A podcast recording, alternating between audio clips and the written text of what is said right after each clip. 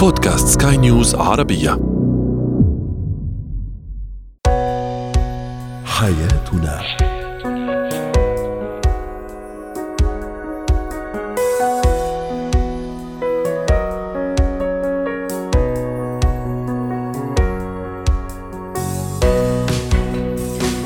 مستمعينا الكرام أهلا بكم معنا إلى حياتنا فضاؤكم اليومي الذي يعنى بشؤون الأسرة وباقي الشؤون الحياتية الأخرى والذي يمكنكم الاستماع إليه عبر منصة سكاي نيوز عربية dot com slash podcast وباقي منصات سكاي نيوز العربية الأخرى. شاركونا عبر رقم الواتساب 00971 561 88 معي أنا آمال شابه اليوم نحاول أن نتحدث عن كيف اختلفت طقوس الزواج والأفراح بين الماضي والحاضر. ما الذي جعل هذا الاختلاف يبدو كبيرا في في السنوات الأخيرة؟ أيضا كيف أعلم الطفل الاكتفاء بما يمتلك؟ بمعنى كيف أعلمه القناعة؟ وأخيرا ما هو اتيكيت التعامل مع الحامل سواء بالنسبة للزوج كيف يتعامل أو الاتيكيت التعامل معها أو حتى المحيطين والأسرة والقريبين منها؟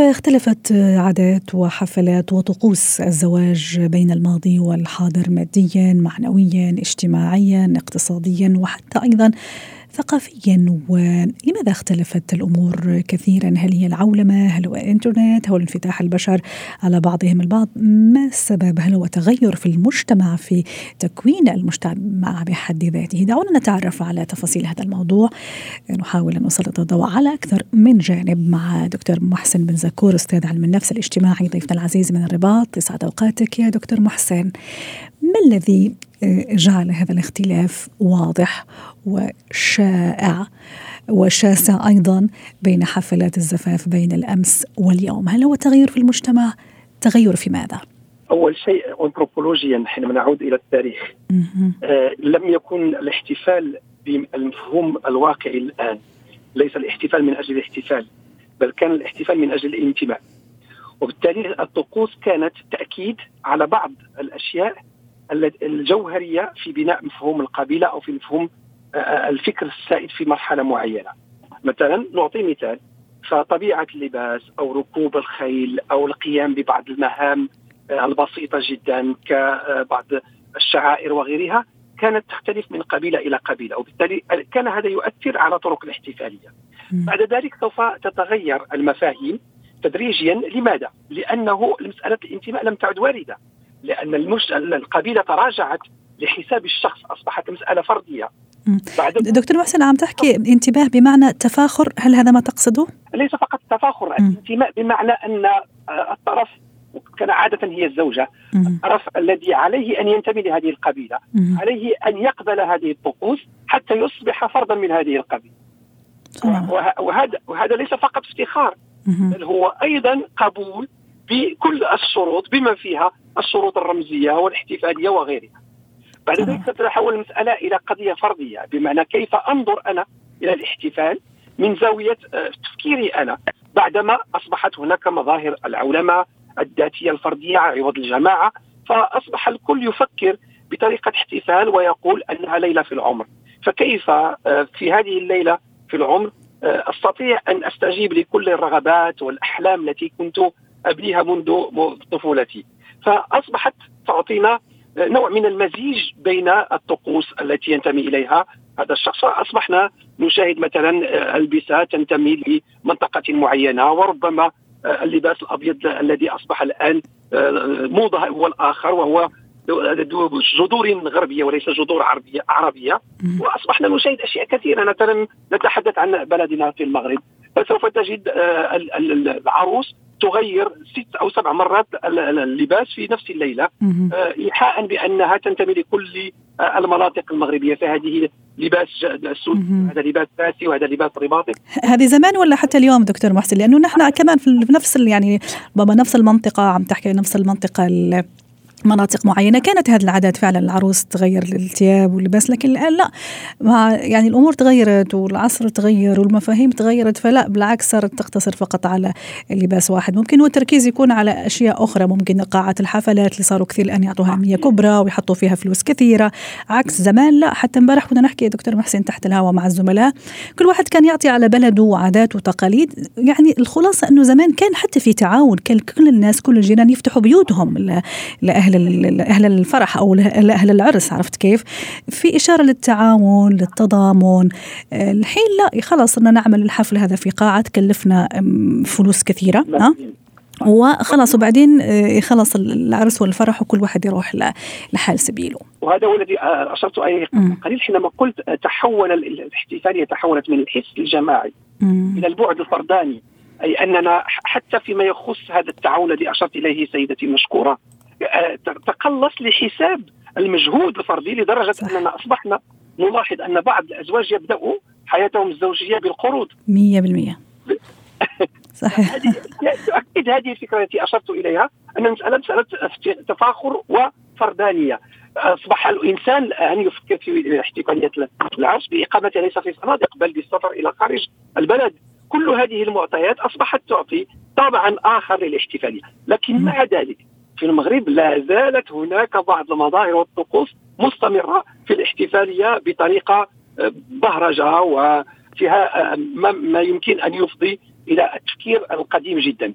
آه، هي دائما هذه الثنائية ما بين القديم والحديث ولكن تميل الكفه الآن إلى الحديث لأن صحيح أن كما قلت الفكر الجماعي تقلص كما أشرت إلى ذلك سيدتي ولكن أيضا حضور تباهي الان أضفنا البعد الثالث الذي أصبح آه، ظاهرة اجتماعية بامتياز وهو ما نسميه وسائل التواصل الاجتماعي. هذا والله اللي كنت راح أشير له دكتور محسن كيف أيضا هذا أثر يا دكتور على هذا الموضوع وكيف اختلف الوضع يعني وكيف أثر فعلا على ما نشهده الآن من حفلات وأعراس وطقوس مختلفة تماما عن اللي كنا نشوفوه يعني قبل؟ اصبح التباهي أقوى بكثير لأن الإنسان الحديث أصبح آه، عنصر الحياة يدور حول الذات. وهكذا ماذا سوف أضع أمام الملأ وأمام العام فيما يخص آه، تلك الفنيات وجماليات الأطباق والالبسه والمكان وغيرها. مما افضى إلى الزياده في المصاريف أكثر صحيح. وبالتالي أصبح أصبح كما قلت النتيجة تبدأ حياتها ليس على أسس الحقيقة والتعاون والاخذ بيد الآخر وبناء عش قوي. أصبحنا نتباهى أكثر. بهذا الظهور. صح حتى مفهوم السعادة دكتور محسن يعني زمان لما كان جاي يخطب الرجل يخطب البنت يعني عادة الأب يقول أنا بدي سعادة بنتي يعني خلص هذا اللي أبغاه. والسعادة طبعا مفهوم كبير وعلى الرجل إنه يعني يستوعب هذا هذا هذا هذا المعنى ويعني ويقوم بالواجب. يعني الآن ما صرنا كثير نشوف هذا يعني هذا يعني هذه الكلمة ما صارت كثير مرددة. أهم شيء المهر يكون غالي والهدايا تكون غالية وتكون فاخرة وشهر العسل أيضا يكون في أكثر من دولة وبعدين ما يهمنا كيف راح تكون تكون الحياة الحياة الزوجية. والمبدأ نفسه معناه حينما آه، تغيب الحس الجماعي تغيب الرمزية.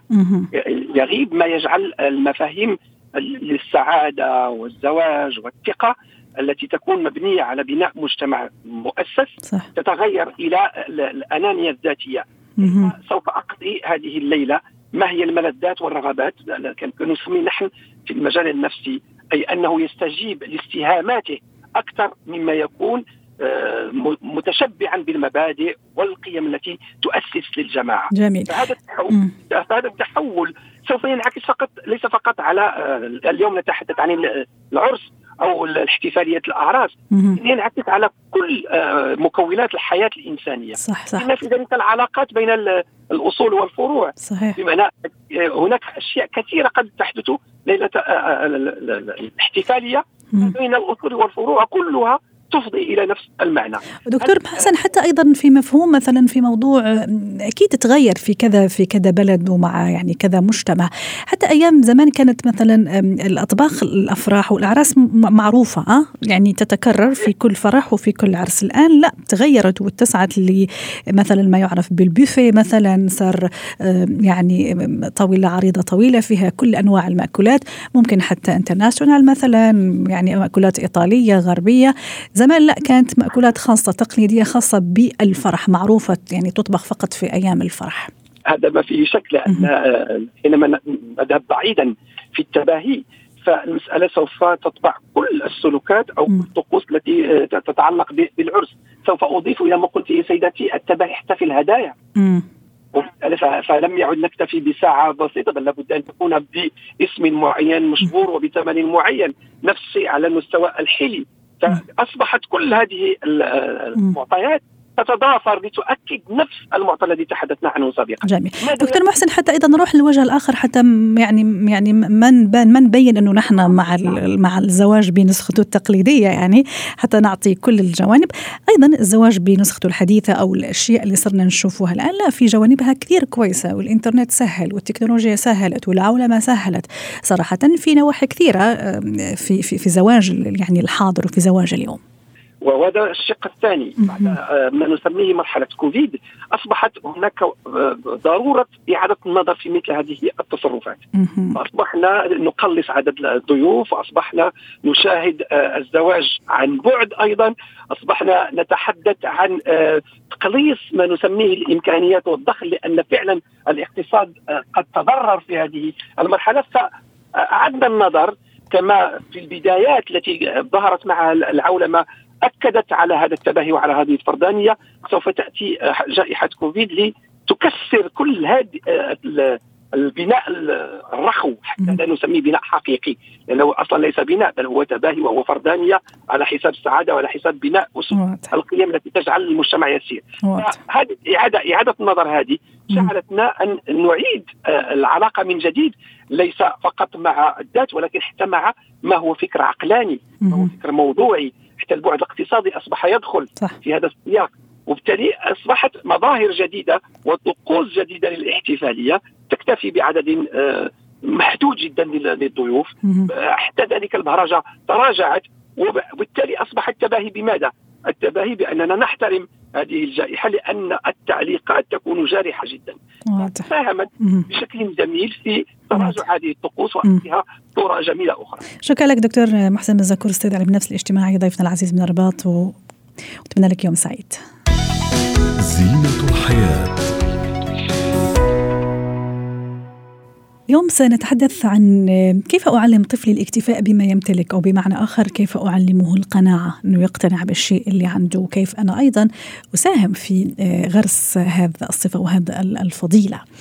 للحديث عن هذا الموضوع رحبوا معي بدكتور ناجي الأمجد الخبير في التربية ضيفنا العزيز يسعد أوقاتك دكتور ناجي. كيف أعلم طفلي أنه يقتنع بالشيء الموجود؟ أو بمعنى آخر بالشيء أنا كأم أو أب؟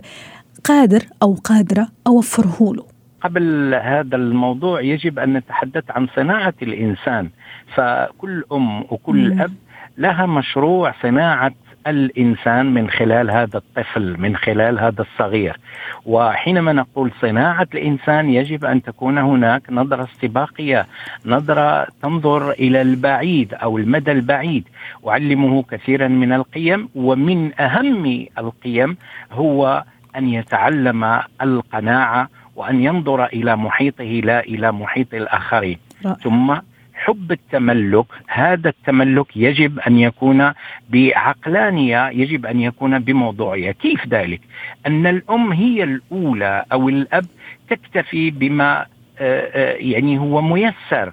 فحينما يجد الطفل أنه في البيت هناك تلفاز أو تلفاز هناك تليفزة هناك ثلاجة هناك ثليجة من كل الأشياء صنف أو صنفين أو ثلاثة ويدخلها في خانة الكماليات يتعلم الطفل كذلك من خلال هذا السلوك ومنسوب هذا الامتلاك أو التملك أنه هو الآخر يريد اللعبة الأولى ويريد صح. أختها ويريد جارتها وابنه عمها هذه الممارسة قد تؤدي بالطفل إلى آه، أشياء سلبية مدمرة إذا ما طال الزمن أو البعد الزمني.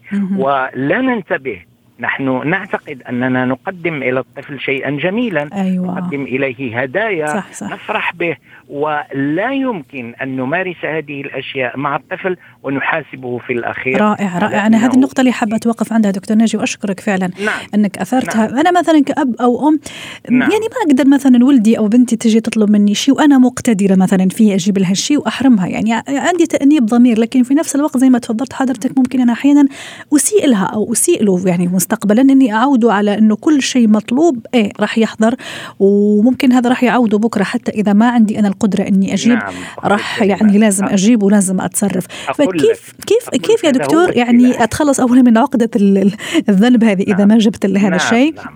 وكيف أعوده إنه أنا راح أجيب اذا اذا إذا قدرت يعني أجيب الشيء أنا في اعتقادي المتواضع وأنا أؤمن أو أجزم بما أقول أن طفلك أو بنتك محتاجة لطاقة إيجابية محتاجة لبنية عاطفية أعطيها زي ما بدك. لكن في المقابل لابد أن نرشد المشتريات أو الهدايا أو التملك عند الطفل. نقطة أخرى في هذا الباب أنك حينما تشترين لعبتين أو ثلاثة حاولي أن تمارسي هذا السلوك سلوك العطاء سلوك الإيثار أمام طفلك بما تملكين؟ أن تتصدقي مثلا على الخادمة أو المساعدة أو على ابن الجيران بشيء تحبينه وتعلمين الطفل درسا عمليا أنه كذلك يحاول أن يتنازل أن يكتفي أن يتشارك. أن يقنع أن يتشارك. لما لا؟ هناك ألعاب لا يمكن أن يلعب أو يمارسها الطفل إلا بمعية الآخر بالتشارك. وهنا يبدأ مبدأ التشارك ويبدأ كذلك هذا البعد الإنساني الذي تصنعين من خلاله طفلك أو طفلتك. نعم. هذا السلوك تعتقد الأم أنا أنا في الحقيقة لا ألوم الطفل على كثرة ال ال أو حب التملك والمشتريات وكذا. أنا ألوم الآباء دائما. فحينما تمارسين هذا السلوك أمام ابنك فأنت تهيئين رجلا مستقبليا رجلا يقنع بالقليل ويصنع من القليل سعادته وسعادة الآخرين وسعادة المحيط وسعادتك أنت كأم وكأب. وهذا هو المهم. رائع. فلا لا, لا, لا نملأ بطنه بالحلويات والمشتريات وعينه بالمشتريات ولكن نملأ قلبه بالحب. نملأ قلبه بحب الآخرين. نملأ قلبه بالإيثار. تعرفين أن هرمون السعادة يصعد بشكل صاروخي حينما نتصدق أختي. وحينما تكون الصدقة ويكون الأب ويصاحبه فيها ابنه أو بنته تكون السعادة مضروبة في شقين لأن الرجل يسعد والطفل كذلك يشتم لغة أخرى ويتحدث لغة أخرى وهي هرمون السعادة وهو برفقة أبيه. أجمل منظر في الوجود هو أنك تعطين لابنك مبلغا من النقود وترقبينه من بعيد وهو يتصدق به أو يهديه إلى صديق أو يهديه إلى طفل معوز هذا أجمل مشهد يمكن أن تفتخري به صح. لا في الدنيا ولا في الآخرة من أجمل الاستثمارات أيضا في في, في الولد وفي الأبناء صح نعم أبشع صح. مشهد هو أن تخرجي من من محل بيع الألعاب أو اللعب وتخرجين بلعبة ضخمة ثمينة جدا غالية الثمن وتمرين بطفلك أمام من يراها ويتمنى أن تكون له. ولكن في الغد يكسرها في الغد يستغني عنها في الغد يصرخ في وجهك لأنك لم تضع النقطة على ذلك الهرمون هرمون السعادة كما قلت لك في البداية. ولهذا من هذا المنبر المحترم أنا أدعو الآباء أن يرشدوا المشتريات. أن يرشدوا حتى مشتريات الكتب. وهنا أدعو لفكرة جميلة جدا ممكن نطبقها وأنا كنت أطبقها وهي زكاة الكتب. أن تجمع أبنائك في يوم ما في شهر ما وتبدأ في القيام بجرد ممتلكاتهم من الكتب. وممكن نستغني عن هذا الكتاب ممكن نستغني عن هذه الرواية أو القصة ولكن لمن لفائدة لفائدة ناس آخرين أو لفائدة أطفال آخرين. رائعة الفكرة هناك رائعة. جمعيات مم. هناك ثم الملابس كذلك. تقوم بهذه الدورة دورة الزكاة في مم. الملابس في الأطعمة والمدخرات وحتى في النقود. أختي الكريمة واضح. عم نختم دكتور ناجي في الثواني الأخيرة. تفضل. نعم لو نقوم بهذا السلوك سنقضي على حب التملك على جشع التملك رائع. ونعلم الأبناء حكمة كأنني أكلت. هذه الحكمة حكمة قديمة جدا في تركيا صاحبها اشترى بما كان ينوي أن يشتري بنى مسجدا وسماه كأني أكلت. فأتمنى من الآباء والأمهات أن يقوموا بهذا الدور وأن يعلموا أبنائهم كأني شكرا. أكلت. عساهم يبنوا لنا قصورا في الجنة. شكرا, شكرا لك دكتور ناجي. الأمجد سعدتنا اليوم ضيفنا العزيز من الرباط.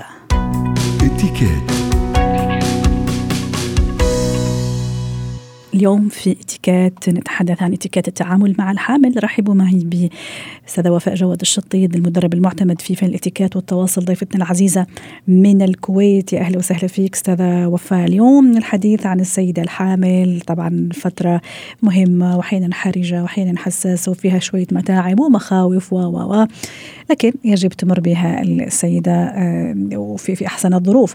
كيف الاتيكيت التعامل مع السيدة في هذه الفترة؟ خلينا نبتدي مثلا من الزوج أو أقرب الناس لها اللي هو الزوج طبعا اللي موجود معها على طول في البيت. كيف الاتيكيت يا أستاذة وفاء؟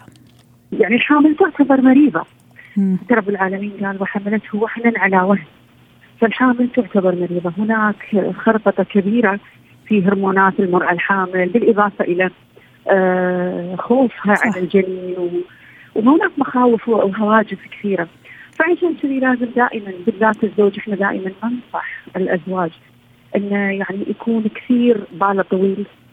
كثير عنده قدرة على التحمل آه، على يحاول على كثر ما يقدر إنه آه، يعني يبتعد عن المزاح الثقيل معها يتقبل طلباتها. وأهم شيء انه وزنك ما زاد هذه أهم شيء وزنك زاد ها؟ هالكلمة اللي بتخوف.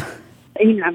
أي نعم بالضبط. وأيضا يوصل هذه الفكرة لأهله لأن دائما الأهل ممكن يتحسسون إنه يشوفون ولدهم مثلا متضايق فيوصل لهم هذه الفكرة انه بالعكس. أنا متقبل وراضي وعارف إن هي مسألة وقت لا أكثر ولا أقل ولكن هي أيضا اوصي الزوجات انه ما تتدلل كثير أثناء الحمل لأنه ممكن قد هذا يدخل في مشاكل ما بينها وما بين زوجها يعني. وأيضا عدم المقارنات زي ما أنا أشرت قبل شوي أستاذة وفاء إنه مثلا ما أشوف في أختي مثلا ما هي كمان حامل أو كانت حامل وما صار فيها اللي عم يصير فيكي مثلا. إيش معنى مثلا أنت اللي عم تتعذبي كثير وعم تدلع كثير؟ فهذه أيضا شوية مؤذية بالنسبة لها. طبعا أكيد يعني المقارنات دائما في الحياة بشكل عام مرفوضه لأن كل إنسان قدراته تختلف عن الآخر. صحيح. أنا غير منطقي إن أنا أدخل في هذه المقارنة. يعني أختي ممكن تتحمل ولكن زوجتي هو اختلاف في الجينات صح. الهرمونات.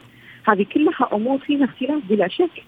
أها أها ولا أيضا أحسسها أن أنت مزعجة أصبحتي مزعجة بالنسبة لي. هذا أيضا هم شعور يخليها كثير حزينة. وكثير أيضا تتضايق فبالعكس يعني يحاول إنه دائما صح. يوضح إنه هو متفهم كثيرا لوضعه خاصة ممكن في الأشهر الأولى أيضا أستاذة وفاء ممكن زي ما تفضلتي تغيرات ممكن ما ممكن مش ما تقدر تطبخ مثلا في روائح معينة تسبب لها إزعاج. فيعني معلش يتحمل شوي في هذه الفترة ويعني ويكون التعامل فعلا بمنتهى الاتيكيت والذوق.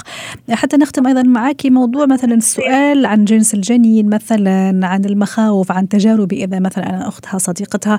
يفضل أنه أيضا ما أحكي عن هذا الموضوع في 30 ثانية أستاذة وفاء. طبعا المفروض إني أنا ما أتكلم في هذه الأمور، هذه أمور تعتبر جدا خاصة، وإذا هم حبوا يتكلمون فيها كزوجين هذا ممكن ولكن آه يعني إحنا كمقربين أو كمعارف لا هذه الأمور المفروض ان ما ندخل فيها، وحتى من البداية يعني من تتزوج ما نلح بالسؤال. حامل؟ ما حملتي متى راح تحملين؟ فهذه الأمور لا لا ما هي بالذوقيات نهائيا. شكرا لك استاذه وفاء جواد الشطي ضيفتنا العزيزة من الكويت. حياتنا.